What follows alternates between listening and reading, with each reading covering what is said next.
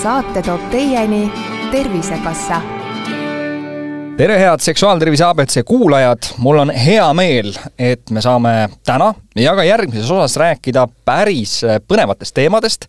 ja miks me teeme seda kaks saadet järjest, on no väga lihtsat põhjendust ei ole, aga lihtsalt äh, keerulisem põhjendus võiks olla see, et äh, neid asju ei ole võimalik panna ühte saatesse nii, et nendest rääkida niimoodi, et äh, inimestel ei tekiks pärast saadet väga palju küsimusi.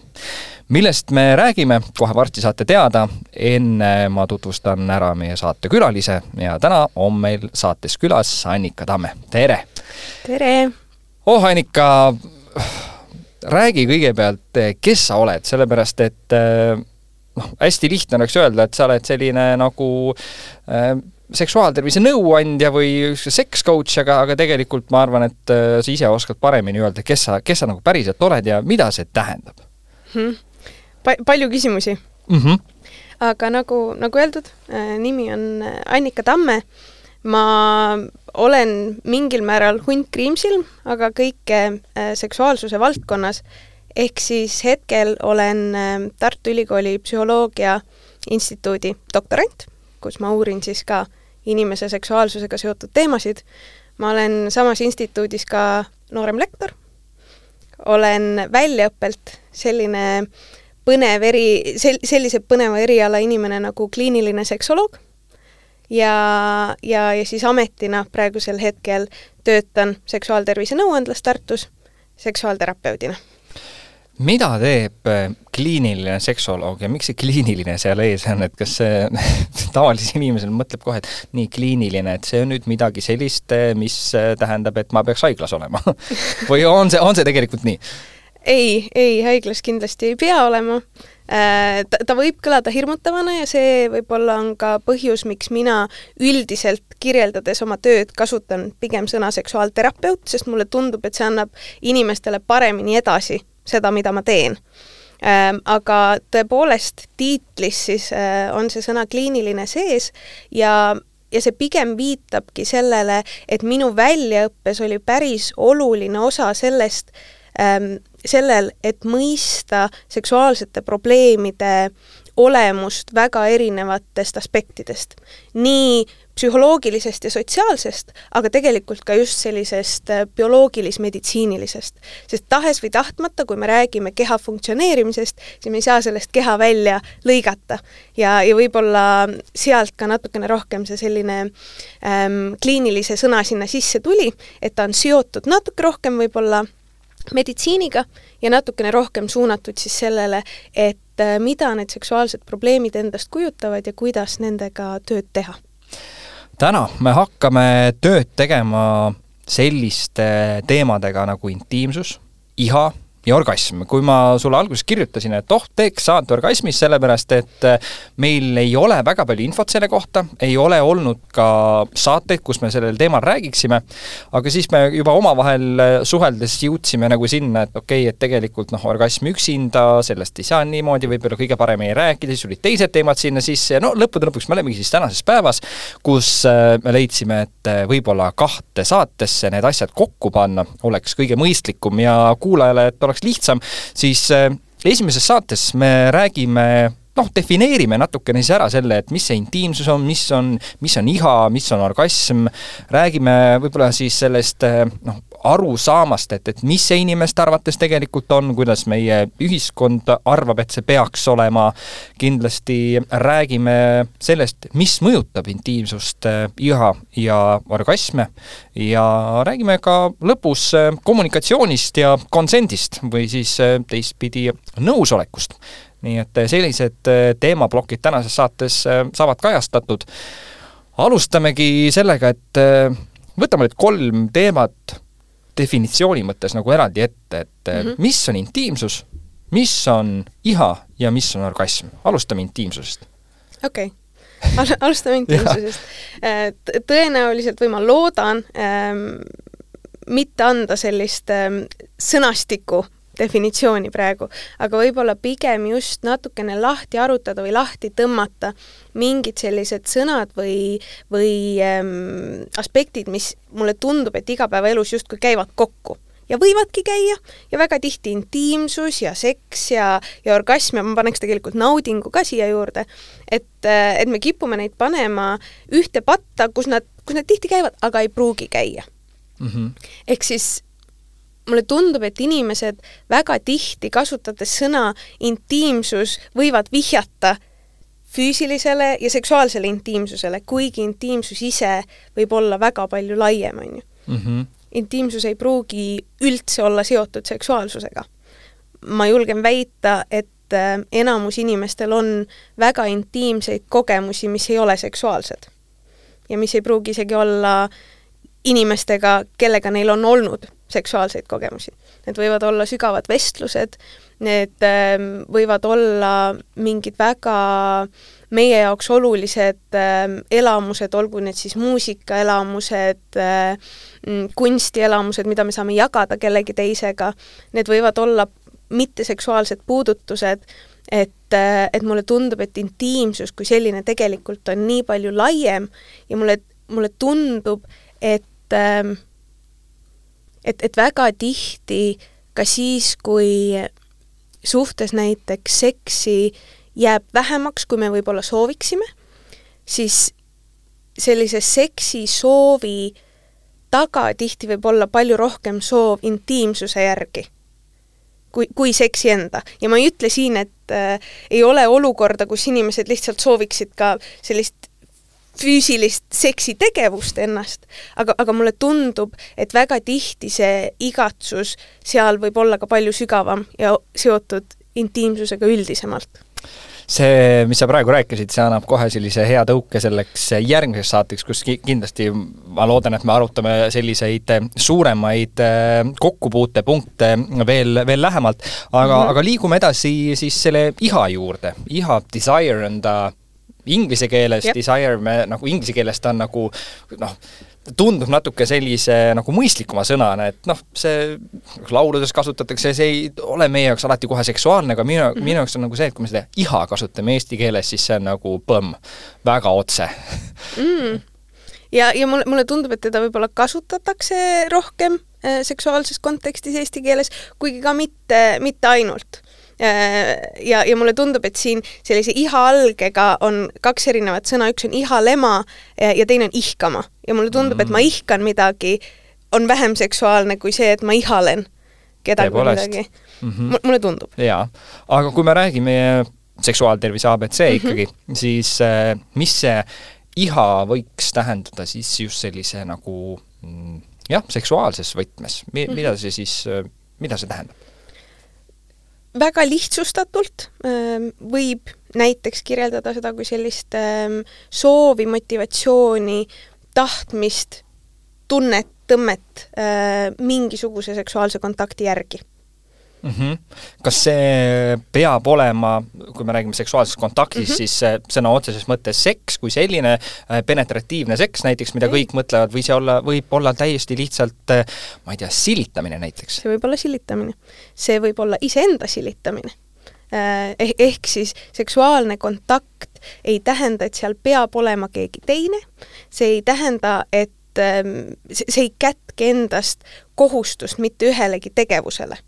Sellepärast, et me, meie iha või meie soov võib olla väga erinevate aspektide suunas mm. -hmm. me, me, meie iha ei pea väljenduma ainult selles, et tahaks, et mingi peenis läheks mingisse tuppe, on ju näiteks, näiteks., kui me räägime penetratiivsest ja. vahekorrast. see võib ka tähendada seda, et et ma nii sooviksin ja tahaksin, et, et sa näiteks teeksid mulle massaaži või sa stimuleeriksid mingeid konkreetseid piirkondi ja ja see soov võibki ka jääda sellesse piiri, et tal ei ole mingit konkreetset algust ja lõppu, ehk see võib ka tähendada seda, et ma soovin ja ihkan mingeid kogemusi, mis ei pea ka näiteks orgasmiga lõppema siit sa väga hästi lähed üle meie kolmandale sellisele te teemapüstitusele, et, et mis asi see orgasm siis on? sellest räägitakse nüüd küll noh, sellest, mis on õige, mis on vale, kuidas saada, kuidas keegi saab seda umbes äh, kuskile, ma ei tea,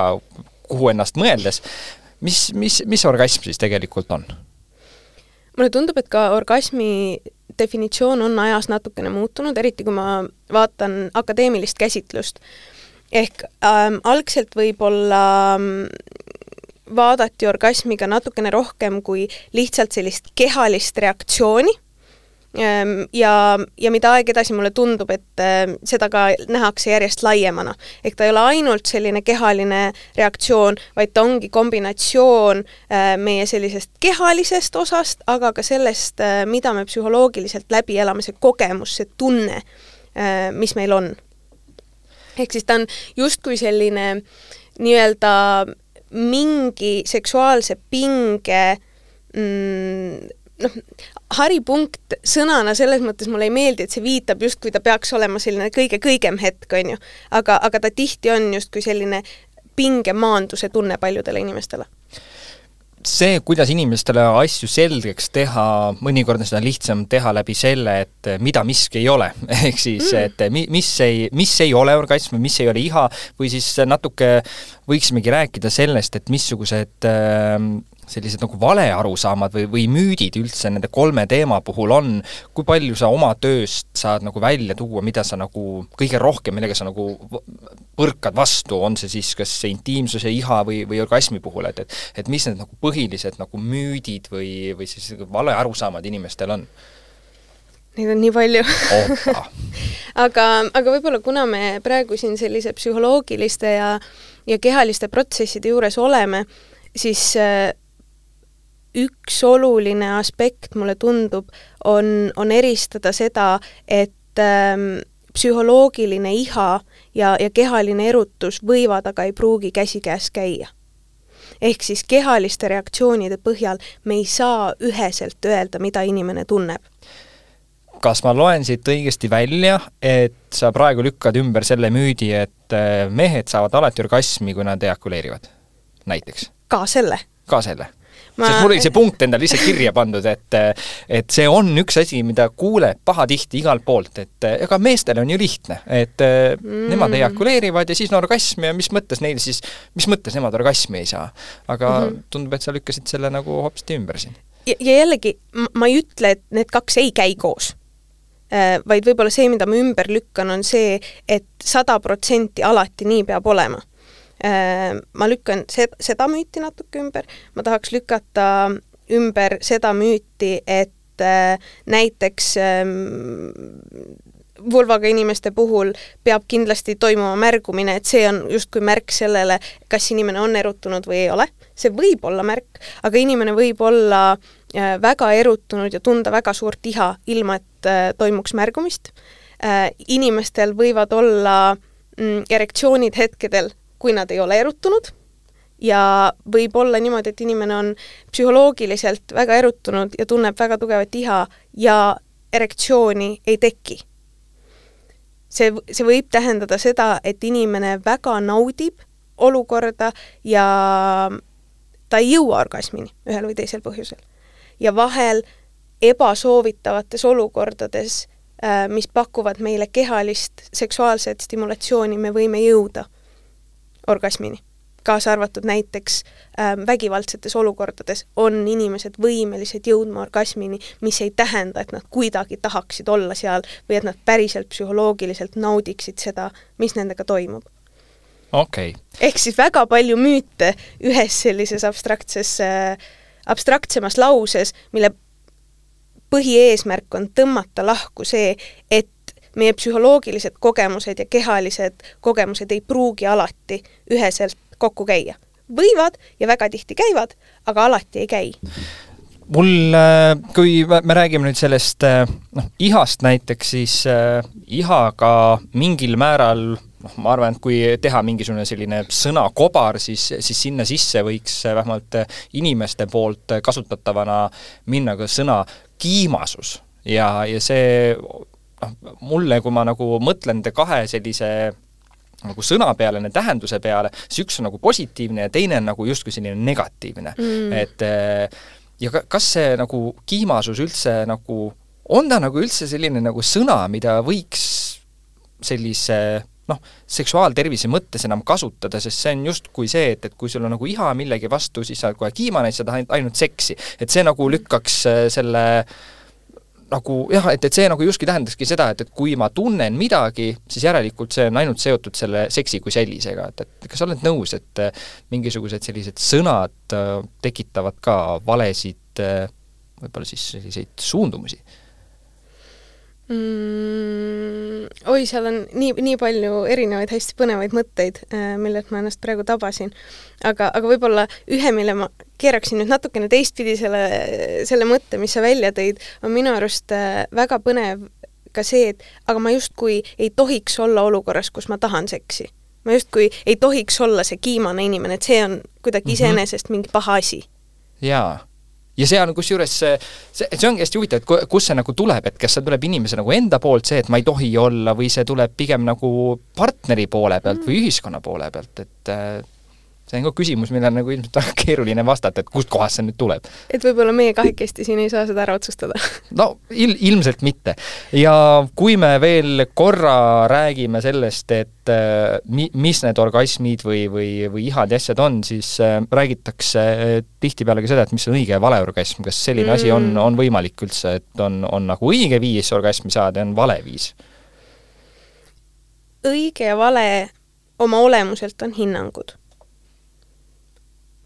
ja, ja hinnangu annab keegi. orgasm on orgasm, orgasm lihtsalt on. ta on kehaline ja või psühholoogiline reaktsioon.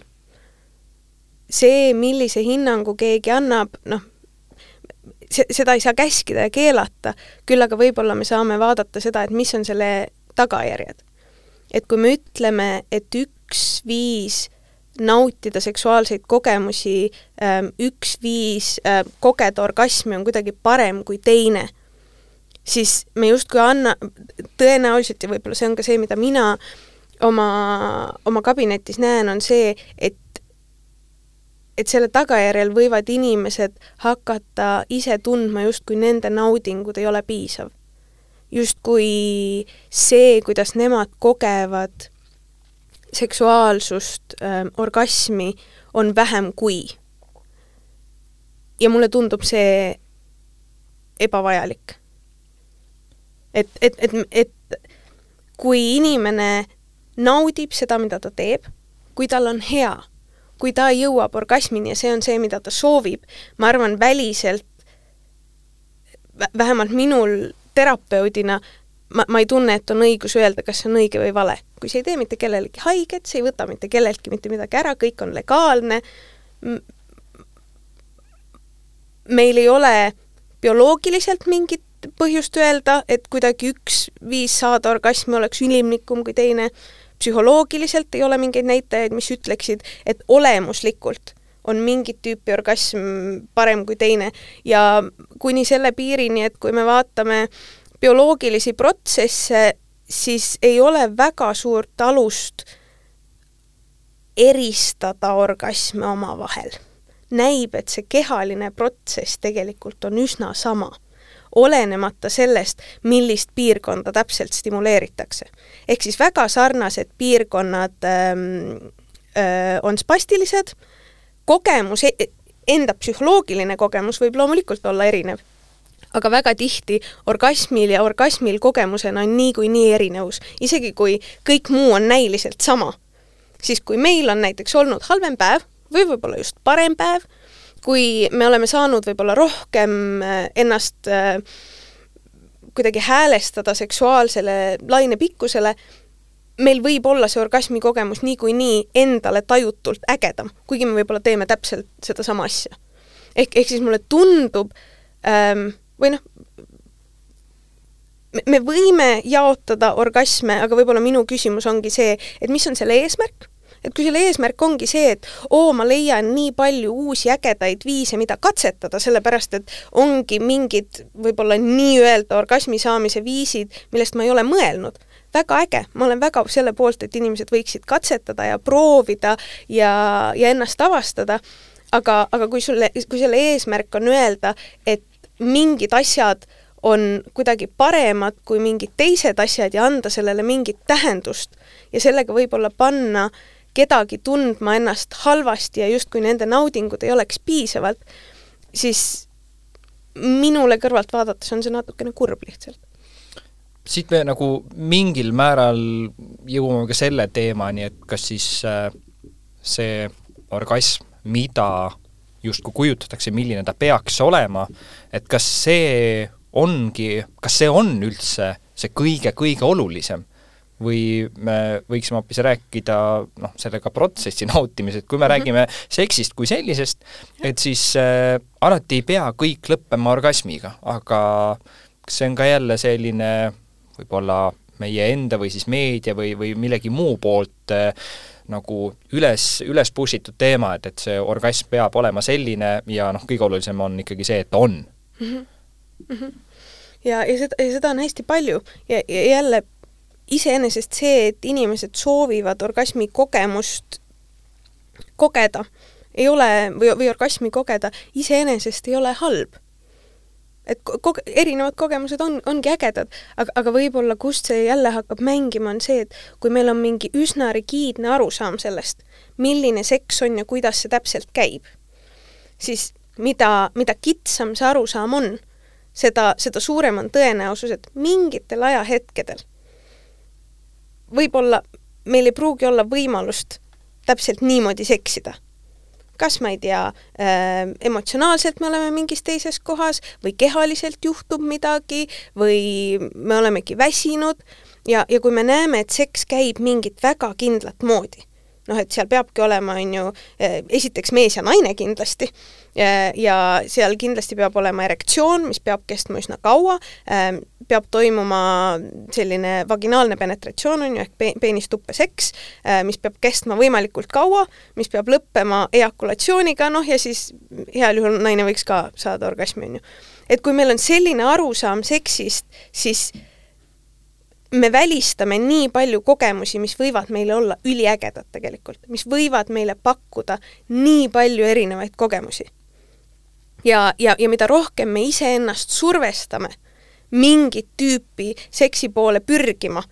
noh, kui me tuleme seksist välja, siis üldiselt olukorrad, kus me oleme survestatud millekski, kus meil on päris kõrged ootused, kus me peame midagi tegema mingit moodi. meile tavaliselt ei meeldi sellised olukorrad inimestena.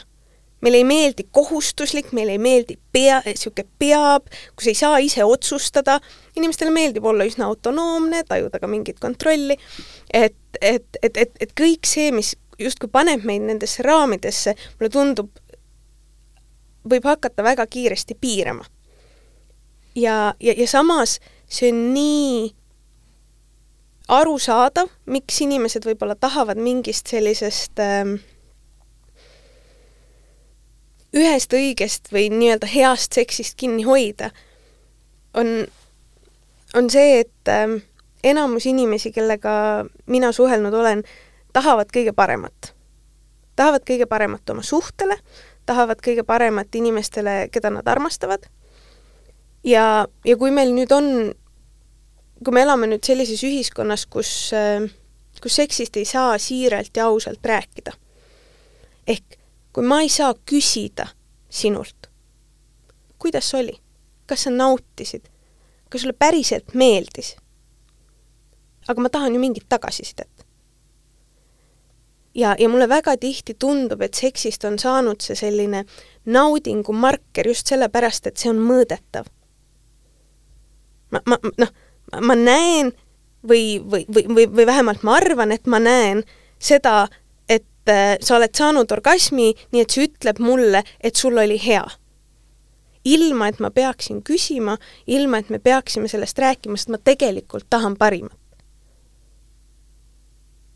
See on päris põnev ja, ja siit äh, nagu kõik see noh, rääkimine ja see, mida me nagu püüame siis äh, anda või siis soovime saada, noh, mingil määral need sellised benchmargid või, või nojah, ikkagi sellised sihid, mis on pandud, eks need tulevad ka läbi mingisuguste erinevate kanalite, on siis äh, meedia, on ta selline kultuuriline taust äh,, igapäeva nagu suhted inimeste osas, kuidas sa nagu üleüldiselt näed, et, et kas me pigem nagu liigume ühiskonnas selles suunas, et me heas mõttes nagu normaliseerime seksist rääkimist ja mitte see, et me, oo, me kõik räägime, et me võime ju rääkida igasuguseid asju, me võimegi Jaa. rääkida, et on vale ja õige orgasm ja ja see, et, et õige mees on selline, aga just see, et me räägiksime nagu mi-, heas mõttes nagu piirideta sellest ja sa-, nagu mõistaksime seda, et inimesed ongi erinevad ja, ja orgasmid on erinevad, et ka-, kas sa näed, et me liigume selles suunas või pigem see viimase aja selline avatus äh, seksuaalsuse teemal on pigem, liigub just sinna vastu, vastupidises suunas, et pigem just tehakse rohkem neid piire, et me räägime hästi palju, aga me paneme kõigile piirid, et see on hea, see on halb. see selles mõttes on huvitav jah, et ähm, et justkui päris tihti räägitakse sellest, et ah, seksist ei ole räägitud. aga, aga mulle, mulle tundub, et ähm, küsimus ei ole sellest, et seksist ei ole räägitud, vaid just nagu sa välja tõid, kuidas sellest on räägitud. sellepärast, et mulle tundub, et enamus inimeste, inimesed on saanud selle sõnumi kätte, et see kuidagi on midagi, millest ei räägita. ehk seda on juba kuidagi kommunikeeritud. tõenäoliselt isegi ajal, kus tundus, et seksist ei räägita, anti ikkagi edasi sõnumit, et äh, ei tohiks liiga palju seksida peaks ennast hoidma kuidagi millegi kellegi jaoks, on ju. ehk, ehk tegeli- või, või kas või seesama, et ja vastupidi, mingite gruppide puhul oli hea, kui sa said kuidagi näidata oma sellist seksuaalset dominantsust, on ju. ehk mingid sõnumid levisid küll. aga tihti need kippusidki võib-olla olema sellised, et kuidas peab, kuidas tohib, kuidas ei tohi, mis on õige, mis ei ole õige. ja mulle, mulle, mulle tundub ja võib-olla see on jälle see, et mina elan oma sellises väikeses mullis, on ju, et, et vaikselt neid ruume on hakatud looma, kus me saame rääkida seksist selle kogu spektris. ausalt ja siiralt ja niimoodi, kus ei, ei ole õigeid vastuseid vaid ongi see, et meil on oma inimlikud kogemused, mida me saame uudistada ja uurida.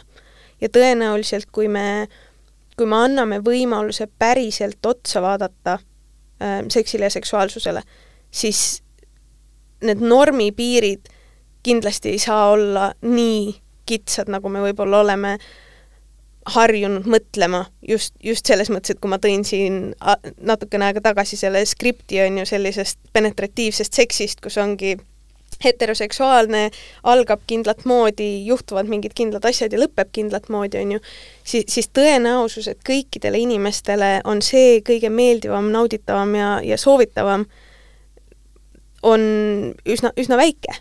ja, ja mulle tundub, et et neid ruume on hakanud tekkima, et meil Eestis on mõned äh, väga aktiivsed inimesed, kes, kes töötavad selle nimel, et oleks neid ruume järjest rohkem. Ei saa kindlasti öelda, et äh, töö on tehtud ja, ja lähme nüüd kõik koju ära, kõik on ideaalne, on ju. aga mulle tundub, et vaikselt ja vähehaaval hakkab seda, seda ruumi ka, ka avalikult tekkima, kus me saamegi otsa vaadata ka sellele, et aga võibki olla ebamugav. sellepärast, et eks sellise nii on õige puhul jälle ta on mingil määral nii arusaadav, sellepärast et me tahaksime õigeid vastuseid. täpselt nagu tä-, täiskasvanuna mulle tundub, et väga paljud tahaks mingit sellist, täiskasvanu elu käib niimoodi, kui sa teed, näed niimoodi üks, kaks, kolm, siis sa teed õigesti. sest me kõik tahaksime olla piisavalt head, armastusväärsed, me kõik tahaksime teha õigesti. ja, ja siis, kui meil, meil on ette antud mingi skript, et näe, hea seks käib nii kui sa teed nii, siis sina teed õigesti. See tundub lihtne, see tundub see, et väga hea, mul on see mingi asi ees, kui ma tean täpselt, mida teha, siis ma saan seda teha ja ma tean, et mina teen õigesti. et kui teisele ei meeldi, siis see on, siis on tema katki, sest mina tegin õigesti. ja, ja osa sellest ebamugavusest ongi see, et aga mis siis, kui asjad ei ole nii lihtsustatud. ja see võib olla väga ebamugav sest teadmatus inimestele üldiselt on, on ebamugav. Sest mulle tundub, et meil ühiskonnas on ka ootus, et kui sa oled täiskasvanud inimene, siis sa tead juba kõike. ja siin tulebki natukene selline ebakõla sisse, et justkui alaealised ei tohiks üldse seksiga kokku puutuda, on ju, kõik, kõik on keelatud, vaadata ei tohi, näidata ei tohi, rääkida ei tohi ja siis üleöö justkui sa peaksid kõike teadma. ja, ja, ja reaalsus on see, et me inimestena ei, ei saagi teada, kui meil ei ole olnud võimalust nendele küsimustele otsa vaadata mingeid asju katsetada kas või sellega, et ma lasen iseenda süsteemist läbi korraks selle mõttega, et kas see on midagi, mida mina soovin, kas see on midagi, mida ma tahan, kuidas see mind üldse tundma paneb. et, et, et mulle tundub, et vaikselt on ka hakanud ähm, tekkima neid ähm, neid, neid inimesi või neid kohti ühiskonnas, kus, kus ongi ka okei okay tunnistada seda, et ma olengi täiskasvanud inimene ja mul ongi ebamugav rääkida seksist. päriselt. mitte niimoodi, et ah, seks käib nii ja fa-fa-fa numbrid ja tegin nii ja siis me ja olen hästi kõva, sest saan öelda mingeid väliseid äh,, väliseid numbreid, on ju, mõõte või kordi või noh, mis iganes, et niisugune uhkeldav, on ju. vaid just, just päriselt ka see, et aga äh, aga mis on need kogemused, mida, mida ma tahaksin kogeda? Ja, ja kuidas, kuidas see, kes ma olen, võib-olla on mõjutanud seda, kuidas ma näen seksi? Ja, ja kuidas mõned tunded, mis mul kas või näiteks seksuaalselt on, mille osas ma olen tundnud, et ma olen ainuke ja ma olengi kuidagipidi katki või teistsugune, et mis saab siis, kui ma julgen neid kellegagi jagada ja võib-olla avastan, et ma ei olegi üksi selles kõiges sellepärast et mida me statistiliselt näeme, on see, et ähm, ühte või teistsuguseid seksuaalseid probleeme on vähemalt pooltel inimestest mingil eluhetkel. meie Baieris toetame iga naise õigust oma keha üle otsustada. me usume, et kõikidel naistel peab olema võimalus teha teadlik valik oma rasestumisvastase vahendi osas vali enda jaoks parim rasestumisvastane vahend, mis toetab sind su unistuste elluviimisel.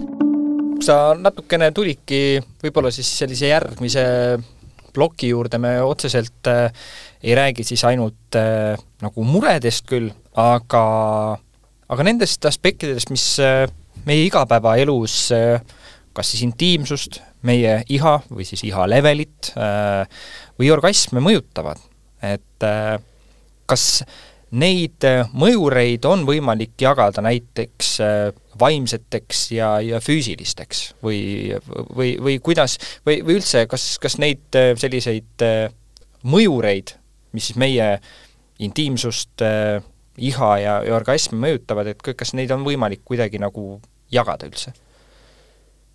kui tahta, siis kategoriseerida ikka saab mm. -hmm kui me räägime üksikisiku tasandil, siis võib-olla küsimus on lihtsalt selles, et kas, kas on vaja, mida see täpselt annab, sellepärast et noh, loomulikult spetsialistidena see võib olla oluline, et ma vaatangi, et ma olen üle vaadanud mingid elustiili asjad, on ju, ähm, võib-olla mingid medi-, meditsiinilise tausta, psühholoogilise heaolu, et, et, et võib-olla seal on see üsna oluline. üksikisiku tasandil ma, ma, ma ei tea, kui oluline see selles mõttes on, et et Ähm, kui käsitleda iha kui mitte sellist spontaanset asja, mis peaks iseenesest juhtuma. et ta kusagilt tuleb või kusagilt ei tule, vaid kui me näemegi iha kui reaktsiooni stiimulile,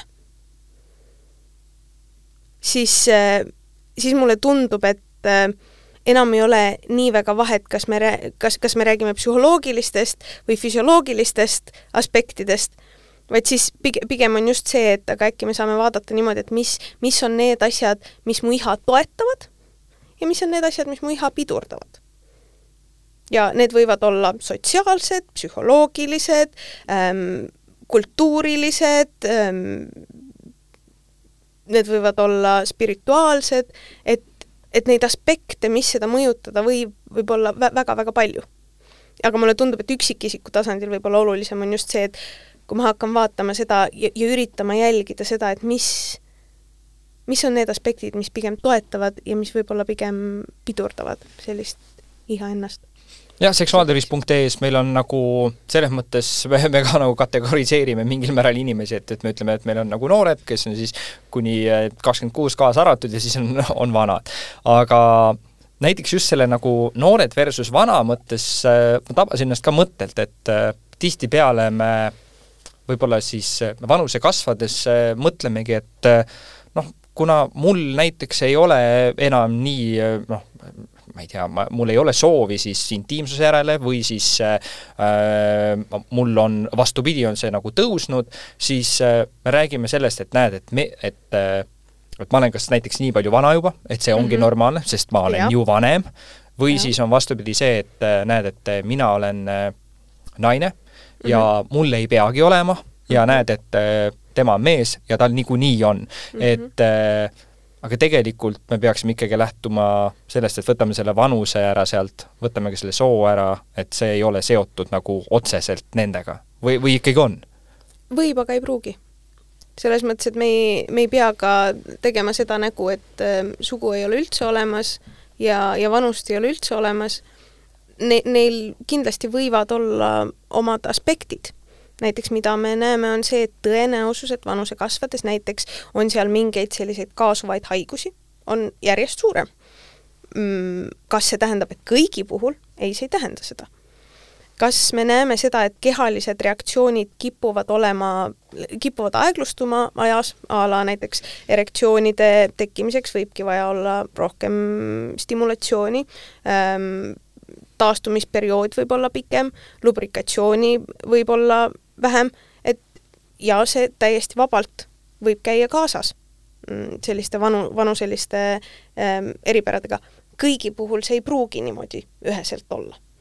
ehk siis võib, aga ei pruugi, ehk, ehk kui meil ka tekib selline mm, arusaam või hoiak selles osas, mida tähendab vananeda, siis ühest hetkest võib olla üsna raske eristada seda, mis on päriselt osa sellisest vananemise protsessist, millel, millel on ka omi, omi aspekte. aga mis osa on sellest, et justkui nii ei käi või nii peaks? sellepärast, et äh, mulle tundub ka just äh, ähm, et, et vanema va,, vananemisega justkui käivad kaasas, nagu sa ise ka välja tõid, päris paljud hoiakud näiteks ah, niikuinii see seksuaalsus kaob ära ähm,, siis ka vaated sellele, et mida see tähendab, kui äh, näiteks kuuekümnendates ja seitsmekümnendates inimene on veel väga seksuaalselt aktiivne. mulle tundub, et nii mõneski kontekstis vaadatakse sellele päris ähm, negatiivse alatooniga otsa no kuidas ikkagi vanaema ja vanaisa nagu kes meist tahaks sellist, sellise asja peale mõelda aga samas me jätame selle inimliku poole justkui ära, et me omistamegi rollid ja. ja nende konkreetsete rollidega, mida sa siis etendad, siis justkui see seksuaalsus, intiimsus, iha, et äh, kui sa oledki näiteks äh, lastega ema, siis see tähendab mm -hmm. automaatselt, et ega tegelikult ei olegi midagi vaja, jumal, sinul on vaja lapsi kasvatada mm. -hmm. samamoodi noortele me omistame selle, et aga noored, noh, need, noh, vabandust, ma nüüd nagu ütlen nagu halvasti võib-olla, aga noh, las nad põrutavad või noh, sellised noh, nagu hoiakud meil on. ja kui palju tegelikult selliste hoiakutega me võime teha liiga nendele noortele, kellel antud hetkel, võib-olla täna keegi kuulab meid ja mõtleb, et issand, aga mina olen noor ja ma ei tea, mul ei ole mitte mingit huvi, et kas ma olengi imelik või? et mida, mida nendele noortele öelda mm? -hmm ja jälle, siin võib olla see, et seal võivad olla mingid omad tagamaad, on ju, aga see, et ma ei vasta mingitele ühiskonna ootustele täpselt nii, nagu see on ette kirjutatud, ei tähenda, et sinus oleks konkreetselt mingi viga. see, et sa oled noor ja, ja, ja, ja ongi see, et ainus asi, millele sa mõtled, ei ole seks, on, on väga okei okay ja väga, väga normaalne. et, et kõik inimesed ja, ja, ja kõik noored inimesed ei pea kogu aeg ja ainult seksist mõtlema täpselt nagu seal mingist ajahetkest ei ole niimoodi, et see on haiglane, et sul on seksuaalseid mõtteid, on ju. et, et, et see mingil määral seondub minu jaoks ka sellega, et meil justkui on ühiskondlikult arusaamad sellest, millistel inimestel justkui on õigus seksile ja seksuaalsusele või millised inimesed on seksuaalsed ja millised inimesed ei ole seksuaalsed. noh, meil mõned, noh, käiski, on ju, et ema roll tihti on meil väga deseksualiseeritud, ehk justkui niisugune e emadus ja seks ei taha väga kokku käia, on ju, ähm, me näeme seda, et ähm, teatavad ka eri, eriti nähtavad ja, ja füüsilised ähm, erivajadused väga tihti lähevad kohe sinna, et noh, need in-, neid inimesi tihti nähakse ka kui mitteseksuaalselt, on ju, vananedes, noh, et, et justkui lõpuks me jõuamegi sinna, et ähm, et seks kui selline oleks justkui noorte, väga ilusate, väga vormis inimeste asi ja ainult nemad võiksid justkui võtta, võtta sõna sellel teemal, aga tegelikult kui palju on just nendel erinevatel inimgruppidel sellisel seksuaalsel mitmekesisusel õpetada meile kõigile selle kohta, mida seks saab tähendada. sellepärast et ja ongi väga palju inimesi, kellel näiteks mis iganes kroonilise haiguse äh, tõttu ei ole võimalik näiteks erektsiooni mitte kunagi saavutada või, või penetratiivne seks ongi ja, ja võib-olla jääbki, jääbki valusaks. see ei tähenda, et neil ei ole õigust ja võimalust nautida, võib-olla isegi saada orgasmi või noh, täpselt samamoodi ka näiteks vana, vananedes on ju, et mis siis, kui mu keha ei tööta täpselt nii, nagu ühiskond ütleb, et peaks töötama üks seksuaalne keha. see ei tähenda, et mul ei oleks õigust seksile, see ei tähenda, et mul ei oleks võimalust nautida.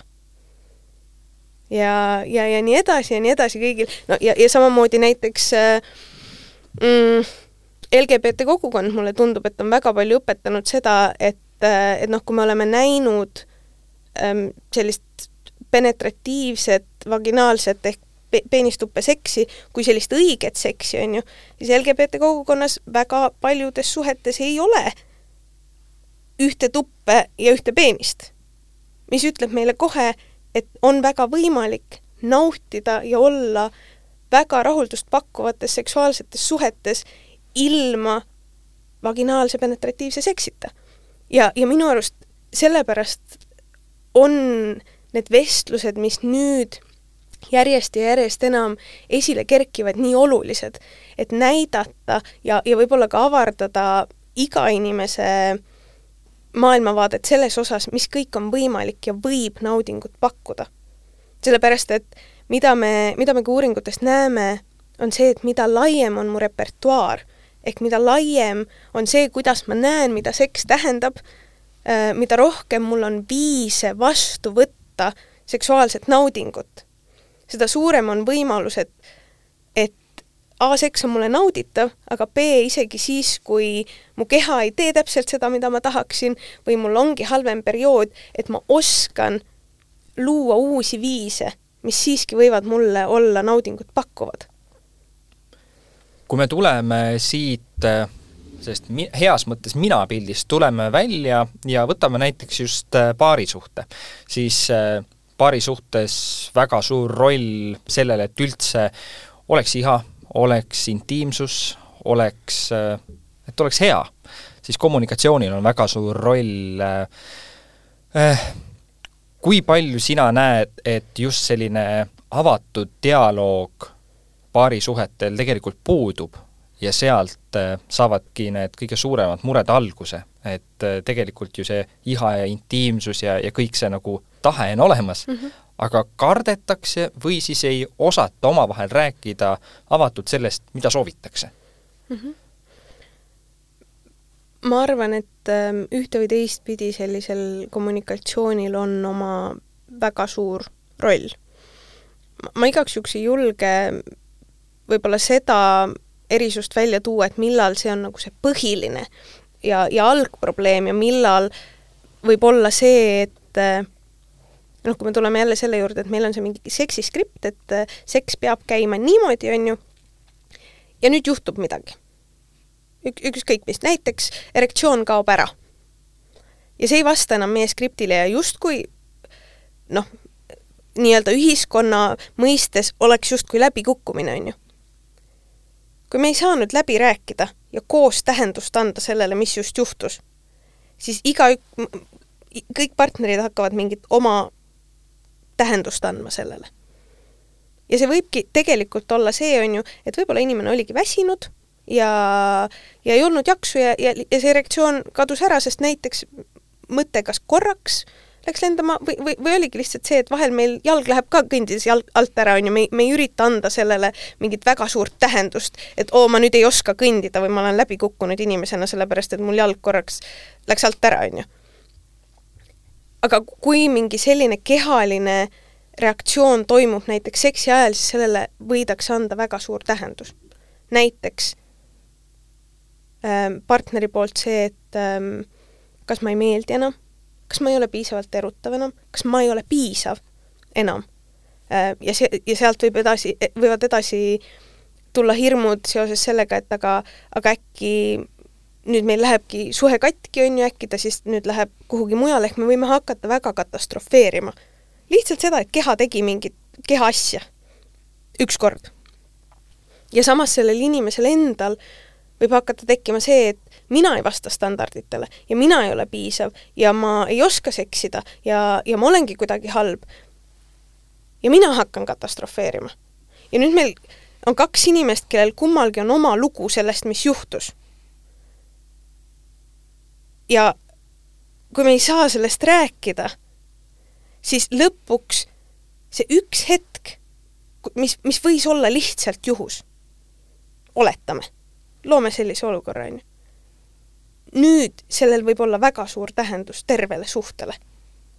ja, ja, ja kui minna võib-olla jälle noh, niisugust nii-öelda probleemiteed või mida mina väga tihti näen, ongi see, et ühe korra juhtub ja järgmine kord on juba päris suur hirm kui ma tunnen hirmu ja ma olen väga ärev, siis erektsioonil on raskem tekkida ja säilida.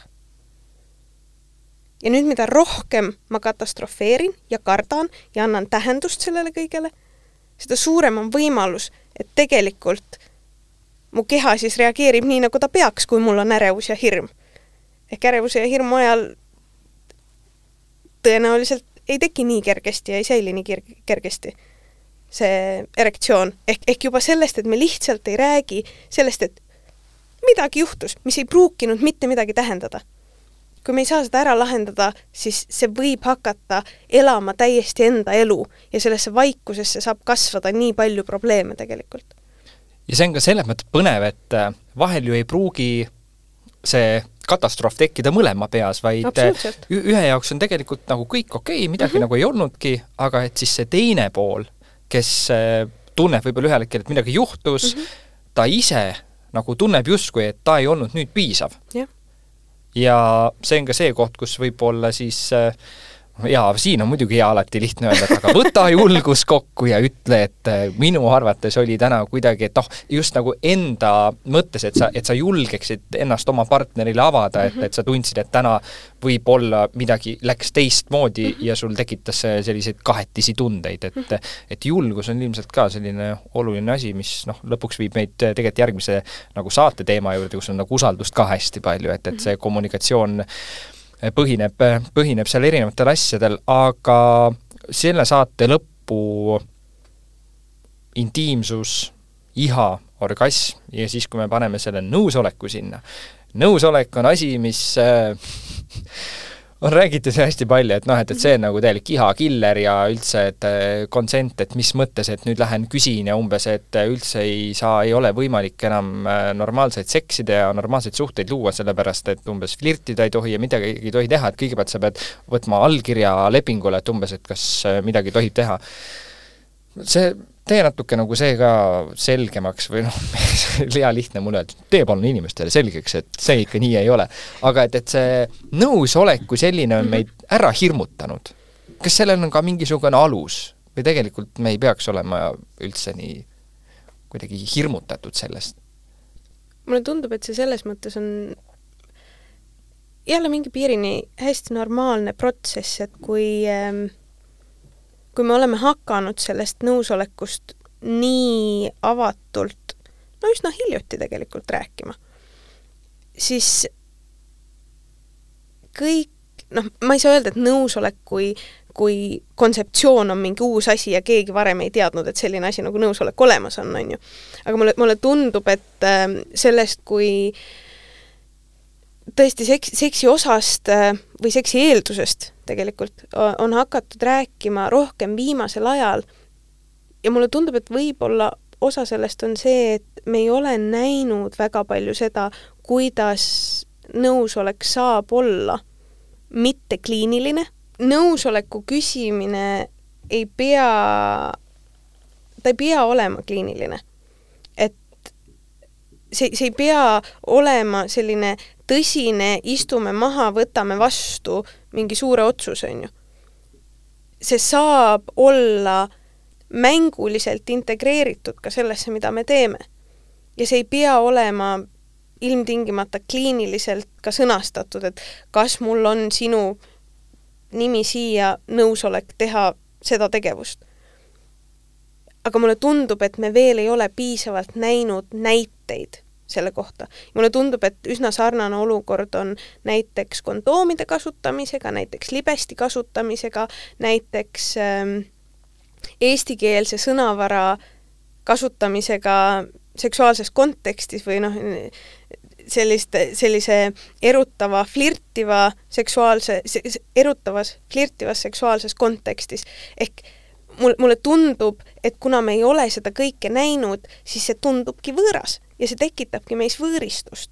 sellepärast, et me ei kujuta ette, kuidas see saaks olla mitte kliiniline.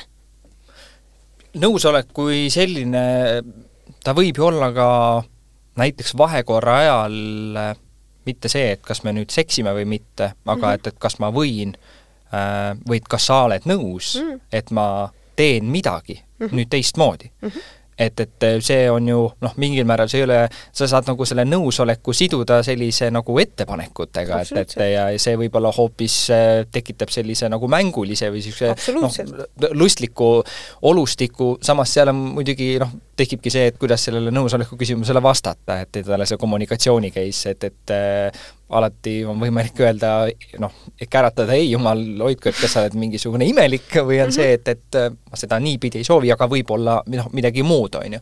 et mhm. aga siin ka jälle, et, et see kommunikatsioon lõppude lõpuks ilmselt äh, on üldse nagu selline hästi oluline teema, et kas või, kas me räägime nüüd paari suhtest, me räägime võib-olla kommunikatsioonist iseendaga, on ju, mhm, et, et see kommunikatsioon on ülioluline ja ka arusaamine. ja, ja mulle tundub, et võib-olla selle nõusoleku juures üks hästi oluline aspekt on ka see, et äh, see, kui ma ütlen jah mingitele asjadele, ei tähenda, et ma ütlen jah kõigele. ja mulle tundub, et väga tihti äh, ja, ja tõenäoliselt me teises osas hakkame sellest natukene rääkima ka, et et kui hakkab tekkima selline märgatav erinevus ihas inimeste vahel, siis, siis väga tihti võib olla see, et üks osapool hakkab vältima igasuguseid intiimseid ja lähedasi hetki just sellepärast, et mul on kergem öelda ei kõigele, kui see, et ma ütlen jah mingitele asjadele ja siis pean ei ütlema. ehk, ehk, ehk siis justkui on selline ootus, et kui ma ütlen jah, siis ma justkui peaksin ütlema nii-öelda jah kõikidele asjadele, on ju. et kui ma olen juba näiteks suudlusega nõus, siis justkui on mingi eeldus, et ma olen ka nõus mingite teiste asjadega, on ju. ja kui ma olen mingit tüüpi puudutustega nõus, siis ma olen ju kindlasti nõus mingite teistsuguste puudutustega. et, et tegelikult ka just seesama, et mida suurem on meie repertuaar, seksuaalses mõttes, seda suuremad on ka täpselt need võimalused, et ma saan öelda jah mingitele asjadele, aga ei mingitele teistele asjadele ja see ei pruugi olla katastroof, vaid see ongi see selline nii-öelda mänguline protsess. aga seda on väga raske, kui me ei saa kommunikeerida omavahel, on ju ühtpidi on tore äh, lõpetada selle sõnumiga, et äh, katastroofi ei ole, kõik on, kõik on hästi ja lõppude lõpuks äh, jah, kommunikeerime, äh, mõtleme ja mõtestame enda jaoks lahti ja püüame mitte ennast siis äh, väga palju lasta mõjutada sellest, äh, mida üks või teine kuidagipidi meile püüab teada anda et kuidas on õige või kuidas on vale. kui teil on küsimusi, äh, siis äh, seksuaaltervis.ee neid küsimusi ootab ja kindlasti, kui on mõni põnev küsimus, millele just Annika näiteks peaks vastama, siis äh, täiesti võimalik, et see küsimus ka talle suunatakse, nii et lugege, kirjutage ja juba järgmises saates on siinsamas minu vastas Annika, kellega me lähme siis edasi natukene sellises mõttes äh, praktilisema poole peale, ehk siis räägime võib-olla sellest, äh, kuidas äh, iha näiteks muutub ajaga, kuidas erinevad, kui, kuidas sellega tegeleda, kuidas näiteks seda intiimsust tõsta või, või, või midagi soove, oma soove kuidagi paremini teisele siis kommunikeerida, igatahes natukene peate ootama ja siis juba järgmises osas saame kuulda toredat ja tarka juttu, nii et näeme varsti, tšau! Saate toob teieni Tervisekassa